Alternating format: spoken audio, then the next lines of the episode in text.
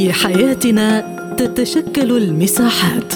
نظل داخلها على اختلاف الثقافات. ولكن في مساحتنا تتحد الغايات. لأننا نغوص في أعماق المجتمعات. فإذا كان لديك وجهة نظر حرة فأهلا بك في مساحة حرة. أهلا بكم مستمعينا الكرام في حلقة جديدة من مساحة حرة. معكم خلال هذه الحلقة دعاء ثابت.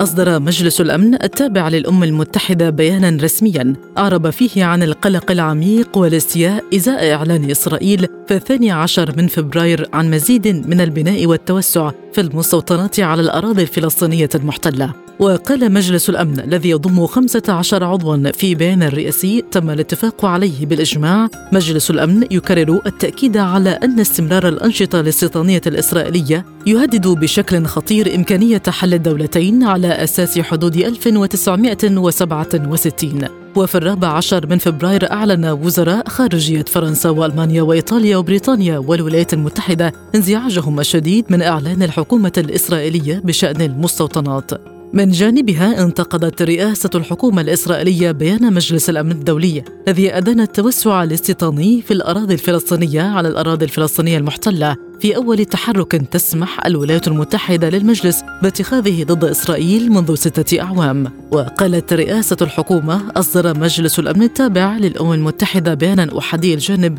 ينكر حق اليهود في العيش في وطننا التاريخي ولم يذكر الهجمات الإرهابية الفلسطينية في القدس والتي قتل فيها عشرة مدنيين إسرائيليين. وأوضحت رئاسة الحكومة الإسرائيلية أنه ما كان ينبغي إصدار هذا البيان على الإطلاق وما كان ينبغي للولايات المتحدة أن تنضم إليه أبداً. للتعليق على هذا الموضوع ينضم إلينا عضو اللجنة المركزية لحركة فتح عباس زكي بعد التحية سيد عباس ما قراءتكم لبيان مجلس الأمن الخاص بعمليات الاستيطان في الأراضي الفلسطينية؟ اولا يعني هاي الحكومة هي حكومة الضم والاعدام، الضم للأراضي والاعدام لمن يقف في وجه إسرائيل. ثانيا هذه حكومة الحسم هذا الصراع الطويل على مدار 75 عام ومئات يعني عشرات المذابح الكبرى التي اقترفتها بحق الشعب الفلسطيني آه، يريدون آه، حسم هذا الصراع المعقد والطويل في عهد هذه الحكومة السادسة الفاسد نتنياهو الذي تعترض عليه أغلبية يهودية وتتظاهر بالشارع. الأمم المتحدة نحن يعني نرى أن ما كان مؤجل بات واجب بالنسبة للقرارات الشرعية الدولية التي اتخذت لصالح الشعب الفلسطيني دون تنفيذ. وبالتالي صدر امبارح البيان وكان لازم يكون في تصويت ولكن اكتفوا بالبيان وهذا البيان يعني يؤكد أن أي استمرار لهذه السياسة الغاشمة العدوانية المدعومة امريكيا ومن معسكر أمريكا. هذه تؤدي إلى حرب. إذا هم بينهم في إسرائيل داخلي حرب أهلية لأن في مساس بالقضاء ومساس بالتعليم وبالديمقراطية حتى بوحيد القوات اللي بيسموه جيش الدفاع لأنه بالكثير بده يكون عنده آه، آه، حرس الحدود والشرطة ليصلها عن الجيش. إذا تحويلها تحويل الجيش إلى ميليشيات. فبالتالي هذا الموضوع دعا إلى ان أن تكون محاولة أخيرة أمريكية وبعض اللوم للإسرائيليين علما بأن كل شيء. يحكوا عن حل الدولتين. بيختم بلينكن وغيره من المسؤولين الإسرائيليين. بيختم إنه نحن مع أمن إسرائيل وقوة إسرائيل. وبالتالي نأمل أن نواصل جهدنا. لمحاكمة هؤلاء الأغبياء المجرمين في المحاكم الدولية. وفي نفس الوقت أن نستمر في رفع مستوى المقاومة آه، الشعبية بالإضافة إلى ترتيب البيت الفلسطيني آه، مهما مهما كانت الأمور صعبة. وبالتالي لا أمل ولا ولا شيء في عهد الولايات المتحدة قوية داعمة لإسرائيل إلا ترحيل الأزمات دون حل. ولكن الولايات المتحدة التي كانت دائما داعمة قوية لإسرائيل أيدت القرار، لماذا برأيك؟ هو نكره أخاك لا بطل. كل كل المشاكل والبلاء والجرائم مسؤول عنها أمريكا لأنه إسرائيل يدها طولة في الشرق الأوسط أو محطتها المتقدمة وتستخدمها عادة الولايات المتحدة لإخضاع الوطن العربي من المحيط إلى الخليج إلا ما نجا كالجزائر وسوريا مثلا. وبالتالي نحن نقول إنه يعني مكره أمريكا على أخذ هذا الموقف لأنه طولة عمر شريان إسرائيل هي الولايات المتحدة، جرائم إسرائيل يعني تأخذ فيتو وتلغي كل شيء من مجلس الأمن، اذا الآن وضعت الولايات المتحدة أمام اختبار، هل تمضي مع الظلاميين اللي في مظاهرات ضدهم في الشارع اليهودي؟ وأيضا ال J Street وكثير من اليهود يعني يؤثروا في القرار ويقفوا ضد هذه الحكومة الرعناء السوداء التي حولت إسرائيل من دولة بلا نظام بلا دستور إلى أن تكون دولة عصابات ثم أبارتهايد لتنتقل الآن إلى دولة تلموديه، لكن هذا الموقف الأمريكي والإدانة يعني جربناها في الماضي في قرار اثنين ثلاث ثلاث أربعة واللي هو بدين الاستيطان وبيخلع الاستيطان كان شديد هذا في 2016 ولكن لم ينفذ منه شيء والولايات المتحدة كانت موافقة عليه ولكن استمرت بدعم أمريكي لا محدود لجرائم إسرائيل وانتقال إسرائيل من يعني توترات ومن سيء إلى اسوء بالنسبة للفلسطينيين وبالتالي المطلوب إنه أمريكا تسمح بالتصويت وليس تدين وتستنكر. ولماذا إذا يتم اللجوء للأمم المتحدة التي لا يتم الالتزام بقراراتها وخصوصا الخاصة بفلسطين؟ هذا يعني بتعرف لأنه أمريكا وحيدة القرن في العالم هي رسالة سخط على البشرية. يعني في كل مكان إبحث عن مشكلة تجد وراها أمريكا لأنه أمريكا حسب الرئيس ترامب كان بده عالم بدون قانون عالم بدون يعني اليد الطولة لهم. يعني السياسة الإمبريالية اللي هي يعني تكون الهدف يجب أن يتحقق مهما كان حجم الخسائر لدى الآخرين، اذا لا يراعون لا لا تعايش ولا أيضا الفهم التي يمكن أن يكون في العالم، هي بتكون حرب هلا مع مثلا الروس مع الصين؟ لا تستقر إلا إذا كانت هي أمر الله من السماء لها وحدها وتنهب شركات الاملاك ما يمتلكه الآخرون. إزاء كل هذه التحديات ما الخطوات المقبلة التي ستتخذها السلطة الفلسطينية؟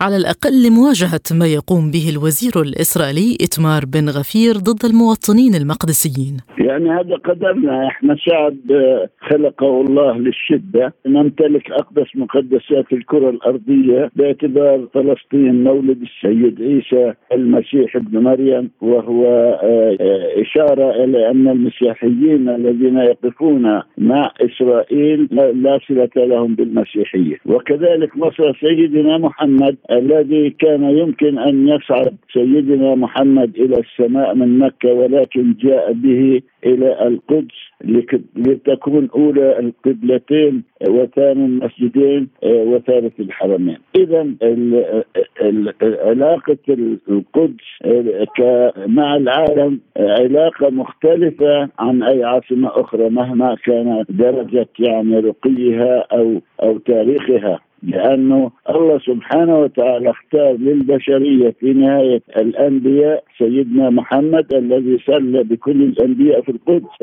هذا الموقع العظيم يجب أن يتم الدفاع عنه. إحنا بنسدد عجز كل الغائبين. كل الجبناء كل الذين تخلفوا عن واجباتهم تجاه أقدس مقدسات الكرة الأرضية. وقال الرسول الكريم ما تزال طائفة من أمتي على الحق ظاهرين لعدوهم قاهرين لا يضرهم من خذلهم ولا من خالفهم إلا ما أصابهم من لواء إلى أن يأتي أمر الله وهم كذلك. قال أين هم يا رسول الله؟ قال في بيت المقدس وأكناف بيت المقدس. اذا هذا الأمر آه، علينا نحن كفلسطينيين 75 سنة آه، أكثر من 100 مذبحة كبرى والعالم يدين ويهجب ولكن حينما تصدر أمريكا الأمر لأتباعها في العالم يستجيبوا بمقاطعتنا اقتصاديا أمنيا وتخلي عن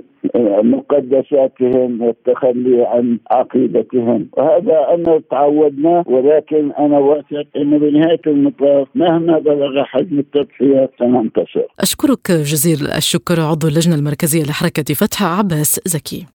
وينضم إلينا أستاذ العلوم السياسية بجامعة القدس عبد المجيد سويلم. بعد التحية سيد عبد المجيد ما الجديد الذي يقدمه بيان مجلس الأمن؟ وهل يغير شيئا على أرض الواقع؟ الحقيقة لا يقدم أي جديد وهي محاولة التفافية من قبل الولايات المتحدة ومارست ضغوط كثيرة على يعني القيادة الفلسطينية وعلى البلدان العربية أيضا. من أجل عدم صدور بيان عن مجلس الأمن ليس بيان رئاسي وإنما قرار عن مجلس الأمن. لأن الولايات المتحدة تعتقد بان كان التصويت باستخدام حق الفيتو سيحرجها سياسيا. وبالتالي أنا من وجهة نظري أن هذا البيان يعكس ضعف الحالة العربية والى حد ما رضوخ الحالة العربية للضغوط الأمريكية. لا أقلل من أهمية المحتوى للبيان الرئاسي ولكن كان يجب أن يصدر قرار عن مجلس الأمن والولايات المتحدة إذا اتخذت موقف الفيتو كان هذا سيشكل إدانة كبيرة لها. وإذا تحفظت أو امتنعت عن التصويت كان البيان سيكون أو كان القرار سيكون قويا للغاية. وبالتالي أنا بعتقد إنه في تراجع فلسطيني وعربي عن الصيغة المطلوبة وعن القرار المطلوب لكن المحتوى الذي جاء في بيان الرئاسي لمجلس الأمن لا بأس به. الحكومة الإسرائيلية قالت إنه ما كان ينبغي إصدار هذا البيان على الإطلاق. وما كان ينبغي للولايات المتحدة أن تنضم إليه أبدا. كيف تعلقون على رد الفعل الإسرائيلي والموقف الأمريكي؟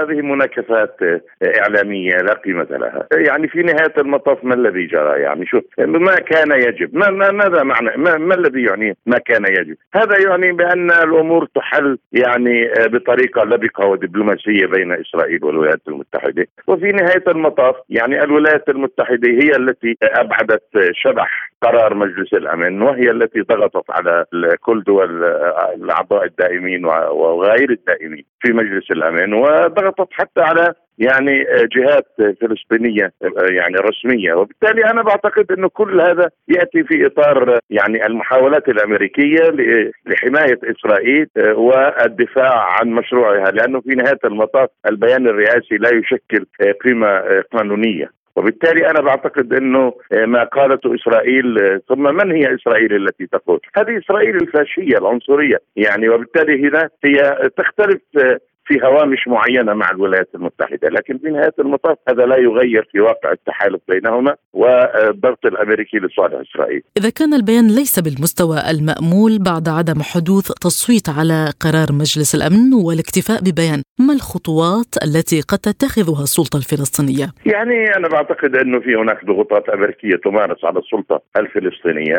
ربما الآن في هذه المرحلة لا تصل إلى أبعد من قضية مجلس الأمن، ولكن مثلا يعني كان يمكن للقيادة الفلسطينية أن تقايض يعني تبديل يعني قرار مجلس الأمن ب يعني البيان الرئاسي مثلا موقف الولايات المتحدة من تقديم فلسطين للعضوية الكاملة في الأمم المتحدة. كان يعني يجب أن أن تقايض ليس بمكاسب يعني هنا وهناك وإنما بمكاسب سياسية بديلة. لكن للأسف الشديد لم يحصل ذلك. ولم تمارس يعني المجموعة العربية الصمود المطلوب من أجل يعني استثمار هذه الحالة. أستاذ العلوم السياسية بجامعة القدس عبد المجيد سويلم شكرا جزيلا على كل هذه الإيضاحات. كما ينضم إلينا خبير الشؤون الإقليمية هاني الجمل بعد التحيه سيد هاني كيف قرأتم بين مجلس الأمن وهل جاء على مستوى الوضع الخطير الذي تشهده الأراضي المحتلة؟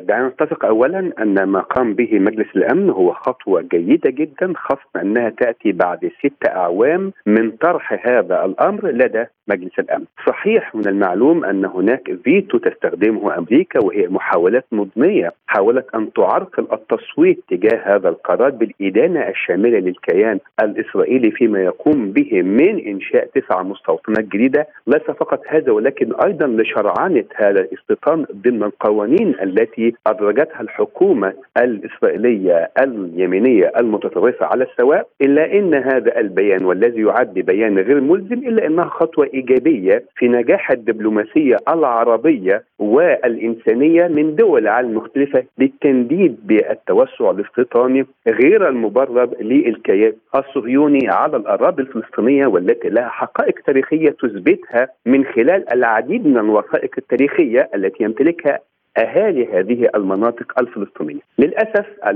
التوسع الشديد في اقامات المستوطنات وشرعنتها يهدد أمن حل الدولتين والذي سعت إليها العديد من المفاوضات منذ مفاوضات أوسلو واتفاقيات أوسلو ما بقى بعدها من اتجاه الرباعية الدولية لوجود حلحله الأمور والعودة إلى دون حدود 67 والتي للأسف ما دأبت الحكومات الحكومات الإسرائيلية المختلفة على تمزيق هذه الاتفاقيات الاتفاقيات ومحاولة خلخلة هذه الاتفاقيات وإجبار المجتمع الفلسطيني والعربي من بعده على أطر جديدة بما تراه هذه الحكومات. نتفق أن التصريحات التي أدلى بها نتنياهو بمحاولة استخدام الضغط الأمريكي ضد في مجلس الأمن ضد هذا القرار يؤكد أن ما تقوم به إسرائيل هو نوع من أنواع الخلخلة للقانون الدولي الإنساني وهو ما ترفضه الدول الأعضاء سواء كانت في مجلس الأمن أو في الأمم المتحدة على السواء. ما تقوم به الحكومة الإسرائيلية من التهجير القسري للفلسطينيين ونزع الملكيات الخاصة بهم هو يخالف كل الشرائع الدولية والقوانين الدولية بما تمتلكه هذه الأسر الفلسطينية من أوراق ثبوتية في حقوقهم التاريخية لهذه الأراضي وهذه المباني، لكن للأسف اعتماد الحكومة الإسرائيلية وهي حكومة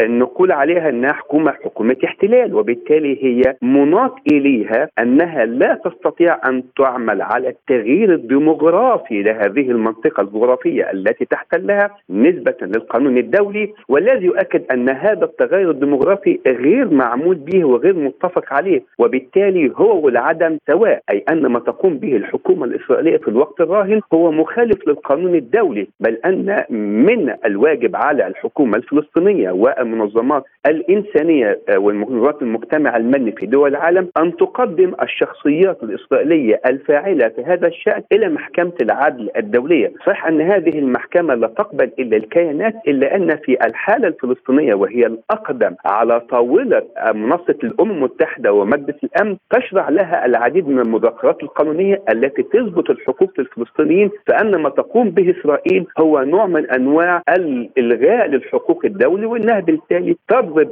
القانون الدولي والاتفاقيات الدولية والمواثيق الدولية التي تم الاعتراف بها بين دول مختلفة عرض الحائط وبالتالي وجب علينا تقديم هذه الشخصيات المختلفة إلى المحاكمة الجنائية الدولية بما تديره من تغيير ديموغرافي. فضلا عن للأسف هو إزاحة وتغيير الآثار والمعالم التاريخية والدينية لهذه البلدة التي تتمتع بالعديد من الآثار الإسلامية كالمسجد الأقصى والآثار والمباني المسيحية على السواء وهي ما تقود وهي التي للأسف تواجه تقييد شديد جدا من الجانب الإسرائيلي وتمنع الممارسات الدينية وهو ما تم الاتفاق عليه في سنة 74 بأن منطقة القدس هي منطقة للمسلمين في محيط مساحة الأقصى والتي تعد ب 144 دونم. هذه المساحة ما معترض بها بين الأطراف الفاعلة ما بين الأطراف العربية وإسرائيل والدول الراعيه في ذلك الوقت هي أمريكا. بأن هذه المساحة هي فقط مخصصة للمسلمين لإقامة شعائرهم. ولكن للأسف الجماعات المتطرفة الدينية الإسرائيلية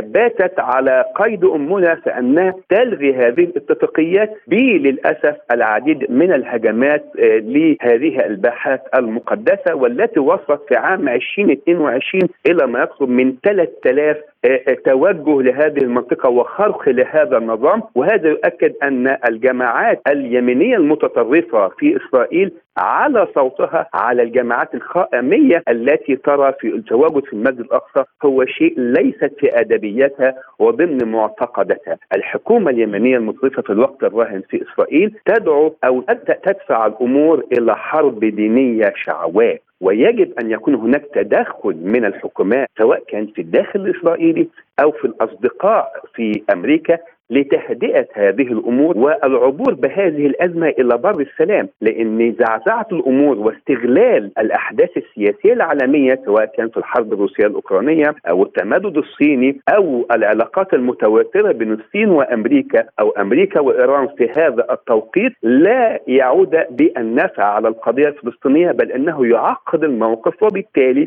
سوف يكون هناك حشد شعبي ديني سواء كان من المنطقة العربية أو المنطقة الإسلامية أمام هذه الحالات من التوغل الإسرائيلي في الأراضي العربية المقدسة والتي لها واقعة تاريخية يحميها المواثيق الدولية والقانون الدولي والقانون الدولي الإنساني والاتفاقات الدولية التي رعتها الدول الكبرى وخاصة الرباعية الدولية. ذكرتم أن هذه الخطوة إيجابية فما الذي سيترتب عليها خاصة وضع الاستيطان؟ إذا كانت إسرائيل تضرب بكل القرارات عرض الحائط.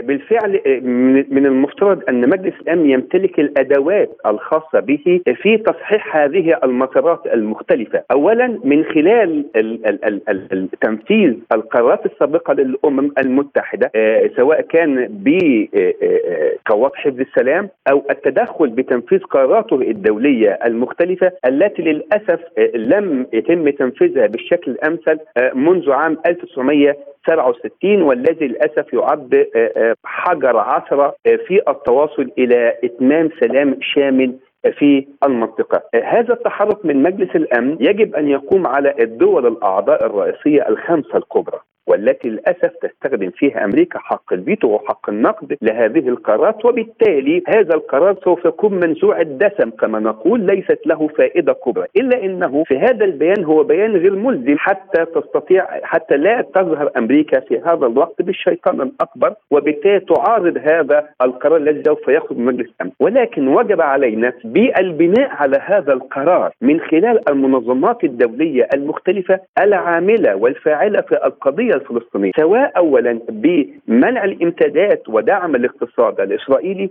اثنين فتح أبواب وسياسات دعم المقدسيين في الداخل لمواجهة هذا التغول الإسرائيلي عليهم وإحكام الأمور، دعنا نتفق أن ما تقوم به الحكومة اليمينية المتطرفة في إسرائيل في الوقت الراهن هو تغيير شامل اولا في اسرنه المناهج التعليمية للأطفال الفلسطينيين فضلا عن منعهم من تلقي التعليم المناسب لهم بجانب الضغط على الكتل الاقتصادية والصناعات الحرفية في في للمخلصيين في فلسطين. وجب على مجلس الامن أن يمد هو أيضا اليد ليس فقط في منع الإسرائيليين في هذا التوغل من الآلة الحربية الشعواء التي لا تواجه إلا بأيد فارغة من قبل الفلسطينيين ولكن أيضا بالضغط على إسرائيل في المحافل والمنظمات الدولية المختلفة والتي قد لا يتواجد لها إسرائيل بالشكل الأمثل من هنا يجب أن يكون هناك تبني سواء كان من خلال إرسال جم... قوات حفظ السلام أو زيادة عدد هذه القوات في الحدود الملاصقة ما بين الطرفين أو بمعنى أصح أن يكون هناك تمكين أفضل للقيادة الأردنية وهي القيادة الهاشمية للمقدسات الدينية في الأقصى أن تجب يجب أن يكون لها اليد الطولى والمثلى في حماية هذه المقدسات من التوغل الإسرائيلي وأن يكون هناك أدوات ضاغطة على إسرائيل أكثر مما نراه في الوقت الراهن لأن للأسف أمريكا هي الباب الخلفي التي تستطيع إسرائيل من خلاله أن تنفذ هذه العقوبات الدولية من خلال حق حق النقد. لكن هناك منظمات أخرى وهناك تجمعات دولية أخرى سواء كانت اقتصادية أو مجتمع مدني أو اجتماعية تستطيع أن تعاقب إسرائيل على هذه الخطوات التصعيدية التي لا يصل بها الحال إلا حالة انفجار شعبوي شديد داخل الفلسطينيين. وبالتالي هذه التحركات على آه، آه، مجلس الأمن أو غيره من المنظمات الدولية والإقليمية يجب أن يكون هناك تحرك سريع وشامل وواضح. اولا دعم الملف الفلسطيني في الحصول على العضويه الكامله للأمم المتحدة.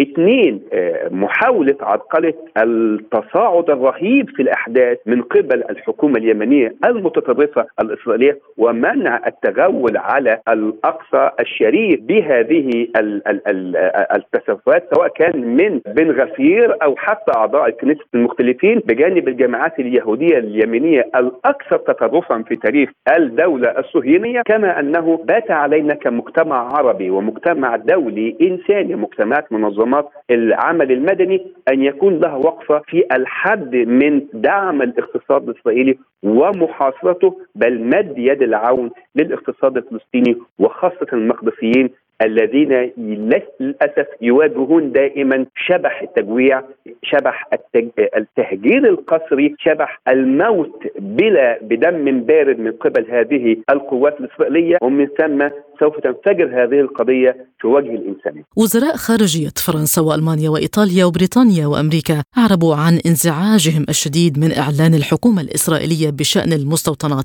تحدثوا عن مواصلة دعم السلام الشامل والعادل والدائم في الشرق الأوسط، اذا ما مستقبل عملية السلام؟ للأسف آه، هذه الدول الأوروبية كانت هي الساعد الأيمن للحكومات اليمنية المتطرفة في إسرائيل أن تجد لها الملاذ الآمن لما تقوم به من هذه التصرفات. آه، من المعلوم أن آه، ألمانيا لها آه، أوراق ضغط شديدة تمارس عليها من قبل. الكيان الصهيوني طبعا بما كان يسمى بعمليات الهولوكوست التي صدرتها إسرائيل للمجتمع الدولي وأن ألمانيا هي الضالعه في هذا الشيء. وبالتالي هي تستنزف قوات الألمانية سواء كانت قوات اقتصادية أو قوات اجتماعية أو دعم لوجستي أو دولي في المحافل الدولية حتى تدعم الموقف الإسرائيلي.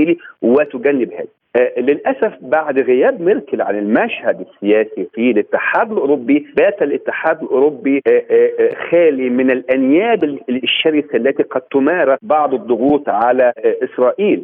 الحكومة الألمانية في الوقت الراهن وبجانبها أيضا الحكومة الفرنسية وتوازيها في هذا الأمر الحكومة الإيطالية لم تقدم الدعم المأمول والشامل إلى دعم الشعب الفلسطيني والمحاولة إلى وجود مفاوضات مباشرة بين الجانبين حتى نصل إلى سلام دائم وشامل في المنطقة. هذه الدول آه، للأسف انشغلت في أمور خاصة سواء كان بصياغة الاتحاد الأوروبي بشكل أو التهديدات التي تؤثر على توسع الاتحاد الأوروبي أو تخطيط لتوسع الاتحاد الأوروبي على أمن آه، بعض الدول زي أمن روسيا انشغلت عن هذه القضية بهذه المخططات الجديدة والتوسع فيها وتركت هذه القضية لأنياب الحكومات اليمنية المتطرفة الإسرائيلية. وبالتالي لن تنجح هذه الحكومات في آه، آه، وجود ضغط على إسرائيل بالشكل الأمثل إلا من خلال الاتفاقيات الثنائية والضغط على أوراق الاقتصاد التي يظهر من آه، خلال الأرقام المتباينة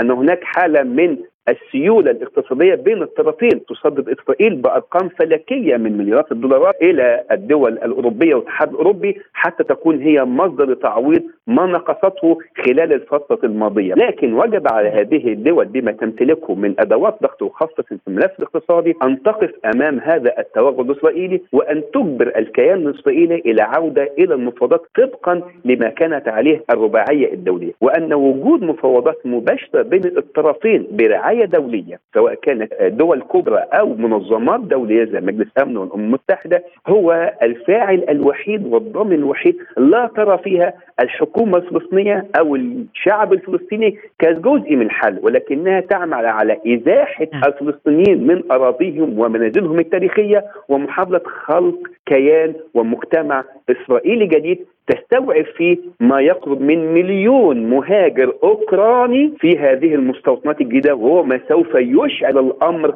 على الأرض بوجود هذا الرقم الشديد من المستوطنين الجدد خبير الشؤون الإقليمية هاني الجمل شكرا جزيلا على كل هذه الإيضاحات الشكر موصول لكم مستمعينا الكرام بإمكانكم الاطلاع على المزيد عبر موقعنا سبوتنيك dot إي.